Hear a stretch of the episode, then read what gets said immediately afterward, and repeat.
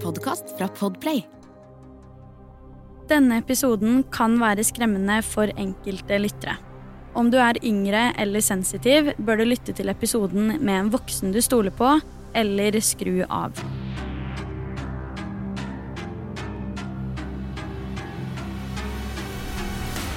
Hallo og hjertelig velkommen skal du være til en helt ny episode av Forsvinningsfredag podcast. Denne ukens episode har jeg gleda meg skikkelig til å dele med deg. Rett og slett fordi at saken vi skal snakke om i dag, det er en sak jeg har fascinert meg over lenge.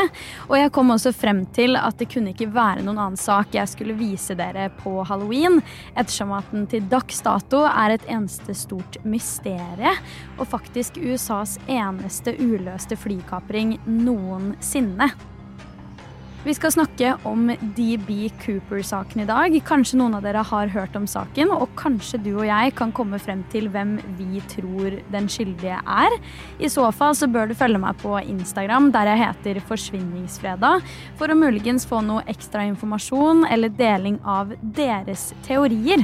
Den saken her vil også deles opp i to deler, så når du har hørt ferdig denne episoden, så er det bare å glede seg til mandag, for da kommer del to i saken, og den vil du definitivt ikke gå glipp av.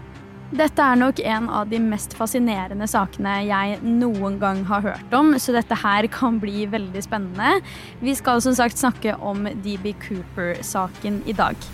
Noe veldig interessant er også at initialene DB ikke engang har noe med personen i saken å gjøre, ettersom det faktisk er feil ut ifra faktaene som er blitt gitt i saken. Vedkommende har egentlig bare gitt navnet Dan Cooper, det er navnet vi kjenner til. Men ved en feiltagelse så klarte en eller annen avis å endre hele navnet på saken. Helt enkelt ved å skrive DB Cooper i en overskrift istedenfor Dan Cooper. Og personlig så skjønner jeg ikke helt hvordan du klarer å gjøre den feilen der, men det klarte i hvert fall den avisa her. La oss hoppe rett inn i del én av DB Cooper-saken. Vi skal helt tilbake til 24.11.1971, og da til Portland i Oregon. Det er nemlig denne dagen et Boeing 727-fly skal ta av fra flyplassen i Portland og reise til Seattle Tacoma internasjonale flyplass, som da ligger i Seattle. Det er viktig å ha et par ting i bakhodet her, ettersom at sikkerhetskontroller og lignende var helt, helt annerledes i 71 enn hva de er i dag i 2022. I dag må vi jo alle sammen sjekkes for metall på kroppen, våpen og alt sammen. Og man kan heller ikke ha med flytende ting i bagasjen over 100 ml. Men i 71, i hvert fall på akkurat denne flyvningen, så var det fullt mulig å sjekke inn på flyet og gå om bord med våpen, eh, da det ikke var noe sikkerhetskontroll og ikke noe bakgrunnssjekk eller noen ting. Det gjør jo også at det på den tida her var mye lettere for potensielle kriminelle å ta for seg ulike ting, og det er denne historien her egentlig et perfekt eksempel på. Jeg har også lyst til å snakke litt om akkurat hvordan dette flyet her så ut. For dette her var ikke et fly med plass til så altfor mange. I tillegg til at det så litt annerledes ut enn hvordan vi kjenner til flya i dag.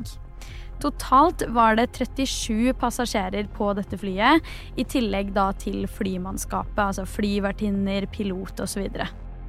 Utseendemessig ser egentlig flyet akkurat sånn ut som når man så det på film som liten. I bakenden av flyet så har akkurat dette her Boeing 727-flyet det de kaller en lufttrapp. Denne her kommer til å bli veldig viktig senere i episoden, men jeg syns det er veldig interessant at det er så mange faktorer i den saken her som gjør at det rett og slett ikke hadde vært fysisk mulig den dag i dag. Og det gjør jo i grunnen også saken mye mer spennende i seg selv. For på passasjerflyet i 2022 så har vi jo ikke denne lufttrappa, så bare der har vi jo en stor endring fra hvordan ting var da, og hvordan de er nå. Klokka er rundt to på dagen den 24. november 1971 da en ukjent mann kjøper en enveis flybillett gjennom flyselskapet Northwest Airline til en flyavgang som går samme dag, som skulle gå fra Portland til Tacoma i Seattle. På flybilletten står det Dan Cooper, og denne mannen her har nok litt andre intensjoner enn man kanskje først antar. Bemerk deg gjerne det navnet her. Det vil bli essensielt videre i saken. Flyvningen fra Portland til Tacoma var på den tiden her en av USAs definitivt aller korteste flystrekninger, med en flytid på rundt en halvtime. Denne mystiske Dan Cooper border da flyet og setter seg ned på bakerste rad, nærmere bestemt på plass 18E. I begynnelsen av flyvningen så virker Dan som en helt vanlig passasjer. Han setter seg ned uten å gjøre noe spesielt ut av seg, og så fort han får muligheten, så bestiller han seg ett glass med 7-Up og ett glass med whisky. Som vi har vært litt inne på, så var jo det her helt andre tider med helt andre rutiner og sikkerhetstiltak. Så på den tiden her så var det faktisk lovlig å røyke på fly i USA, og det ble ikke avvikla før i 1988, og etter det kom alle andre land eh, etter dem, da. Så den friheten her tok også Dan Cooper seg med å rett og slett tenne opp en sigarett på bakerste rad. Flyet forlot flyplassen i Portland eh, ganske presis klokka 14.50 den 24. november 1971. Dan Cooper blir beskrevet som en hvit mann på rundt 1,80 i høyde. Han så ut til å være i midten av 40-årene, og han hadde mørkt hår og brune øyne. På flyet hadde han på seg en typisk businessdress med hvit skjorte og sort slips. Han hadde også en sort regnfrakk over og hadde på seg brune sko. Med seg hadde Dan Cooper en liten koffert og også en brun pose av papir. Florence Schaffner er navnet på en av flyvertinnene som var om bord i flyet denne dagen. Bare noen minutter etter at flyet hadde tatt av og Dan hadde bestilt drinkene sine, så mottar Florence en lapp fra denne mystiske Dan. Florence tenkte at dette her bare var en flørtende lapp fra en ensom mann i businessdress, så hun tok bare lappen ned i lomma si og tenkte ikke noe mer over dette her, for hun var jo på jobb. Men kort tid etterpå så tar Cooper tak i henne og sier følgende. Frøken, du bør se på den lappen. Jeg har en bombe. Florence tør jo da naturligvis ikke å gjøre noe annet, så hun åpner denne papirlappen umiddelbart. På lappen står det følgende. Jeg har en bombe i kofferten min. Jeg vil bruke den hvis nødvendig. Jeg vil at du skal sitte ved siden av meg. Altså, Jeg skal være helt ærlig på at jeg ikke aner hva jeg hadde tenkt eller gjort, og hvordan jeg hadde reagert hadde jeg vært Florence i denne situasjonen her, men jeg syns likevel at hun håndterer det så bra som hun overhodet kunne ha gjort.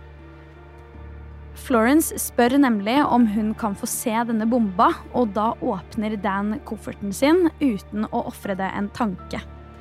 Florence sitter nå ved siden av han.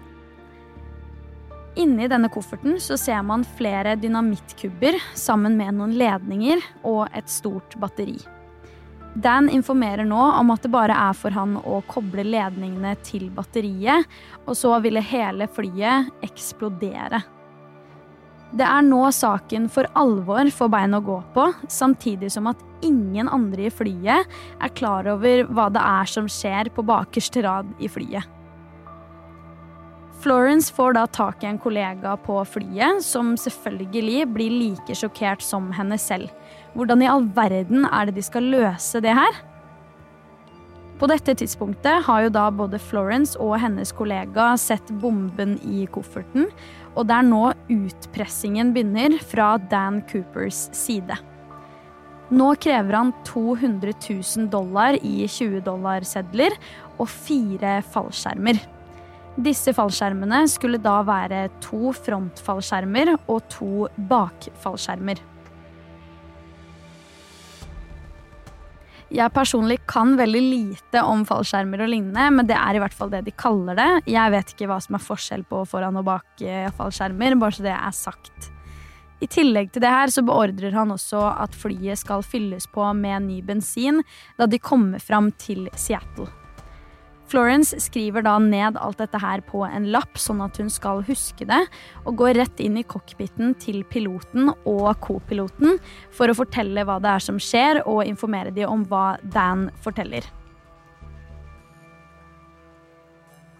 Da Florence kommer tilbake igjen til Dan, så har han tatt på seg noen mørke solbriller. Men hvorfor gjorde han det? Mens alt dette her skjer, så skal visstnok Cooper ha sittet helt stille i båten. Florence har fortalt i ettertid at han ikke virka noe nervøs, preget eller noe i den gata. Faktisk sier hun, til tross for forholdene, at han virka som en veldig hyggelig type. Midt oppi det hele hadde han nemlig bestilt seg enda et glass med whisky og også et glass med vann, og deretter insisterte han på at Florence skulle beholde vekslepengene fra kjøpet. Altså En person som hadde onde intensjoner, hadde vel kanskje ikke nødvendigvis gjort det her. Jeg vet ikke, hva tenker du? Kiwi er billigst i VGs matbørs og har vært billigst i fire av de fem siste VGs matbørser. Og nå presser vi prisene på frukt og grønnsaker.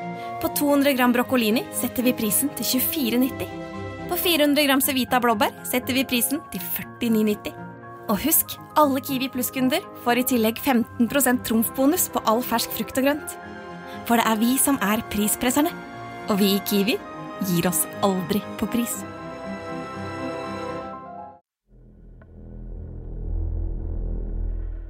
Piloten hadde jo som sagt fått greie på det her, og det som skjer videre da, er at han får kontakt med flyplassen i Seattle, som igjen kontakter det lokale politiet. De er nå nødt til å møte kravene til Dan Cooper, rett og slett for å beholde sikkerheten til de 36 andre passasjerene i flyet. Dette gjør at landingen i Seattle blir forsinka, og resten av passasjerene får beskjed om at dette her er pga. en mindre teknisk feil. Flyet sirkulerer da rundt flyplassen i Seattle i hele to timer for å gi de på flyplassen muligheten til å skaffe og trykke opp alle de 200 000 dollarene som skulle gis i 20-dollarsedler, samt da disse fire fallskjermene fra en lokal fallskjermklubb. Altså Bare se for deg å sitte i et fly som i utgangspunktet skulle ta en halvtime, og så pga. det du får forklart som en mindre teknisk feil, så er du nødt til å vente to timer timer ekstra. Men så er egentlig grunnen til det her så ufattelig mye større, og piloten frykter egentlig for livene til alle som er i flyet. Det her høres ut som det er tatt rett ut av en skrekkfilm. Da flyet endelig får landa i Seattle, så skjer alt sammen akkurat som det er planlagt. De 36 andre passasjerene får forlate flyet i sikkerhet, og da er de fremdeles eh, uviten om hva det egentlig er som hadde foregått inne på dette flyet. De eneste som blir igjen i flyet, det er Dan Cooper, en annen flyvertinne enn Florence, en pilot, kopiloten og også en flymekaniker. Cooper får nå levert en pose med disse 200 000 dollarene som han beordra sammen med fallskjermene. Bensintanken den fylles opp, og flyet tar av igjen kort tid etterpå. I utgangspunktet beordrer Cooper mannskapet til å ta han med til Mexico City, men det hadde ikke flyet nok bensin til, til tross for at tanken nylig hadde blitt fylt, så de var nødt til å fylle bensin nok en gang før de kunne dra til Mexico City.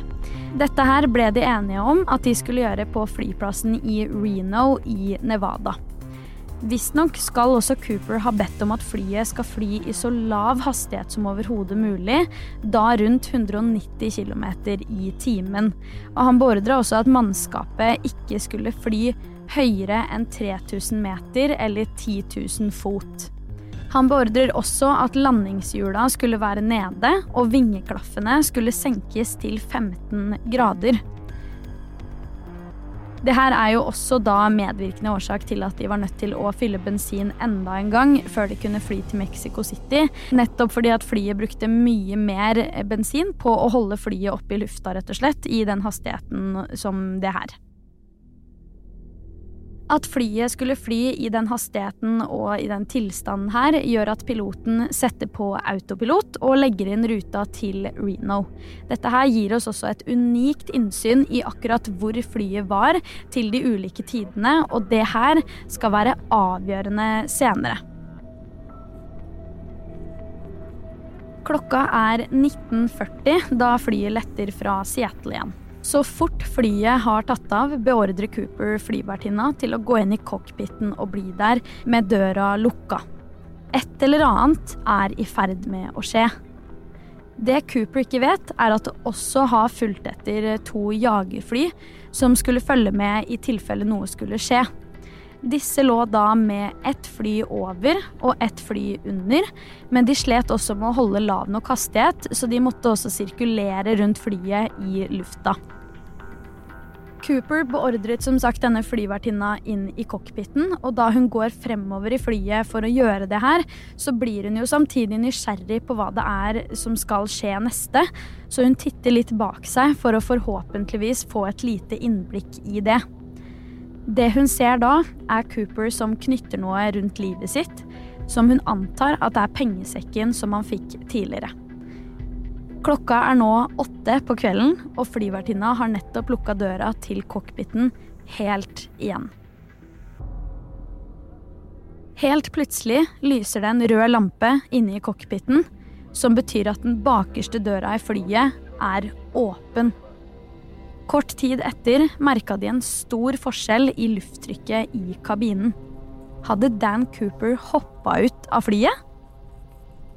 Fra før av var mannskapet på flyplassen i Reno informert om hva som hadde skjedd, og var også i full beredskap for å kunne ta denne mystiske mannen. Vel, da de kommer fram til flyplassen i Reno rundt klokka kvart over ti på kvelden, så er Dan Cooper ingen steder å finne. Hvordan i all verden har en ukjent mann klart å utpresse mannskapet så lett, og deretter suksessfullt klart å rømme fra flyet før han ble tatt? Hvilken person er det som kan ha gjort noe sånt som det her? Etterforskerne mente i hvert fall innledningsvis at dette her måtte være en person med enten mye erfaring innen fallskjermhopping, eller at det var en person som var erfaren med fly og lignende. Den skyldige valgte jo et type fly som han visste at hadde en trappeluke helt bakerst i flyet, som veldig få fly hadde både da, men også nå i 2022. I tiden etter flykapringen og også rømningen så blir alle passasjerer av flyet fra den første flyvningen avhørt, og det samme gjelder flymannskapet. Politiet fant også to av de fire fallskjermene som Cooper ba om, så det er tydelig at han da har brukt én og tatt med seg den andre som sikkerhet. De to fallskjermene som politiet fant, ble da funnet i flyet, eh, så han har tatt med seg to andre fallskjermer, da. I tillegg til her så fant de også Coopers eh, slips og også en slipsnål som han hadde brukt før han forlot flyet. Det er verdt å nevne at det her faktisk var et sånt clip-on-slips. Jeg vet ikke om det sier dere noe, men det er en detalj verdt å merke seg. Alle vitner som ble avhørt, ble også nødt til å gi en forklaring på hvordan mannen så ut, så det gjorde at politiet hadde anledning til å lage fantomtegninger som kanskje kunne hjelpe i etterforskningen av saken. Om du har lyst til å ta en titt på disse tegningene her, så har jeg lagt dem ut på Instagram der jeg heter Forsvinningsfredag, så ta og sjekk meg ut der for å få litt ekstra info i de ulike sakene jeg tar opp her. Det er også interessant at ingen vet hvordan det gikk med denne mystiske mannen. Hadde han egentlig noen erfaring med fallskjermhopp? Overlevde han i det hele tatt? Man vet jo ingenting om det, og det til dags dato. Som jeg så vidt nevnte, så er dette her en veldig fin måte å finne ut av akkurat hvor flyet var til de ulike tidspunktene. Man antar at Cooper hoppa ut av flyet bare et par minutter etter at bakdøren ble åpna og lufttrykket i kabinen endra seg. Piloten har for øvrig også sagt at det var han som valgte ruta de skulle ta til Mexico City, og ikke Cooper, som kan tilsi at han verken hadde noen medhjelper eller visste hvor han skulle. Derfor så er det jo også mulig faktisk at han heller ikke egentlig hadde planlagt nøyaktig hvor han skulle lande. Han måtte bare hoppe ut av flyet i god tid før flyet skulle lande i Reno, og uten at noen faktisk så at han hoppa ut. Begge disse tingene fikk han til, men spørsmålet er jo da fremdeles overlevde han i det hele tatt? Dette her var jo nemlig en veldig regnfull og tåkete kveld med mye vind under hele flyreisen, så sannsynligheten for at noe ikke har gått helt som det skulle i løpet av hoppet hans, den er jo rimelig tilstedeværende. I 1980, ni år etter flykapringen, så var en liten gutt ved Washougal River på stranda og lagde bål sammen med faren sin. Han var veldig veldig ung, så typisk så leker man jo da litt rundt og graver litt i sanda og sånn. Og helt uten videre finner han da et drøss av 20-dollarsedler som til sammen tilsvarte 5800 dollar. Faren er jo da selvfølgelig nødt til å melde fra til politiet om det her, og dette skulle faktisk hjelpe etterforskerne litt videre på vei. Da de skulle gi disse pengene til Cooper, så hadde de nemlig notert seg serienummeret på hver eneste seddel de ga, slik at de senere kunne spores opp dersom de ble funnet. Det interessante her er at sedlene som denne unge gutten fant, er flere av sedlene som kom fra Coopers penger. Kunne han kanskje ha landa i området rundt Washougal River? Etterforskerne kommer frem til at Cooper mest sannsynlig har mista noen av sedlene sine mens han fremdeles var i lufta, og at de dermed har flydd ned til der unggutten fant dem. Det er jo ikke usannsynlig det, når man tar i betraktning at disse pengene kom i poser som ikke akkurat holder mål i det regnværet, og ikke minst vinden som var den aktuelle kvelden. Dette er jo til dags dato USAs eneste uløste flykapring noensinne. Og det fører med seg ikke bare interesse og fascinasjon, men også faktiske fans av denne mystiske mannen.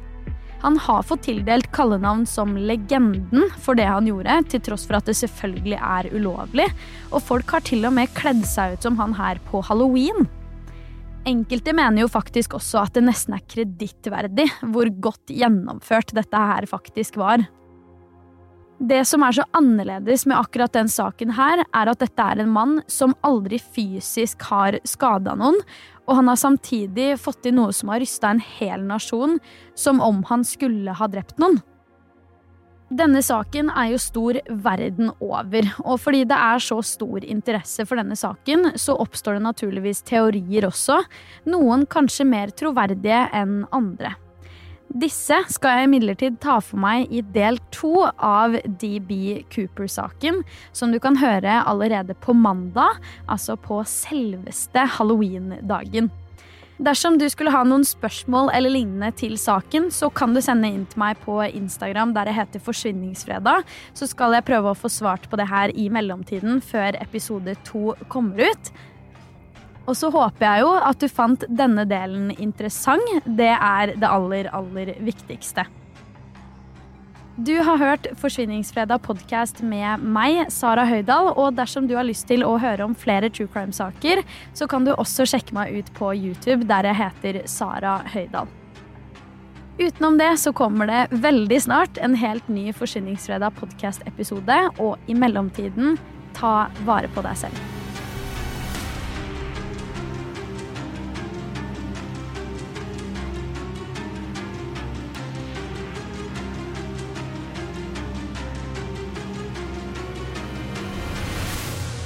Du har hørt en podkast fra Podplay. En enklere måte å høre podkast på. Last ned appen Podplay, eller se podplay.no. 20 nye sparetips hos Kiwi.